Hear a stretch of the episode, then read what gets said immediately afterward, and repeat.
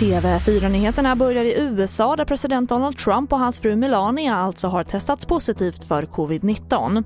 Och USA-experten Frida Stranne säger så här om beskedet.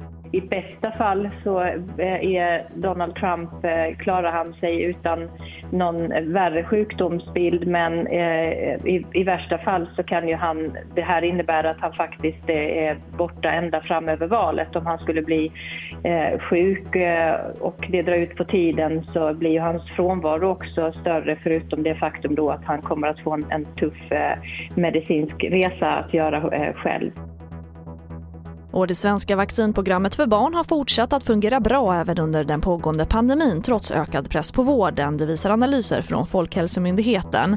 För om vaccinationer uteblir även under kortare perioder riskerar det att få stora konsekvenser enligt WHO.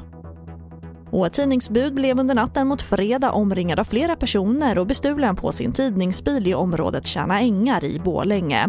Polisen hittade senare under morgonen den stulna bilen men inte några gärningsmän. Och det var TV4 Nyheterna. Jag heter Charlotte Hemgren.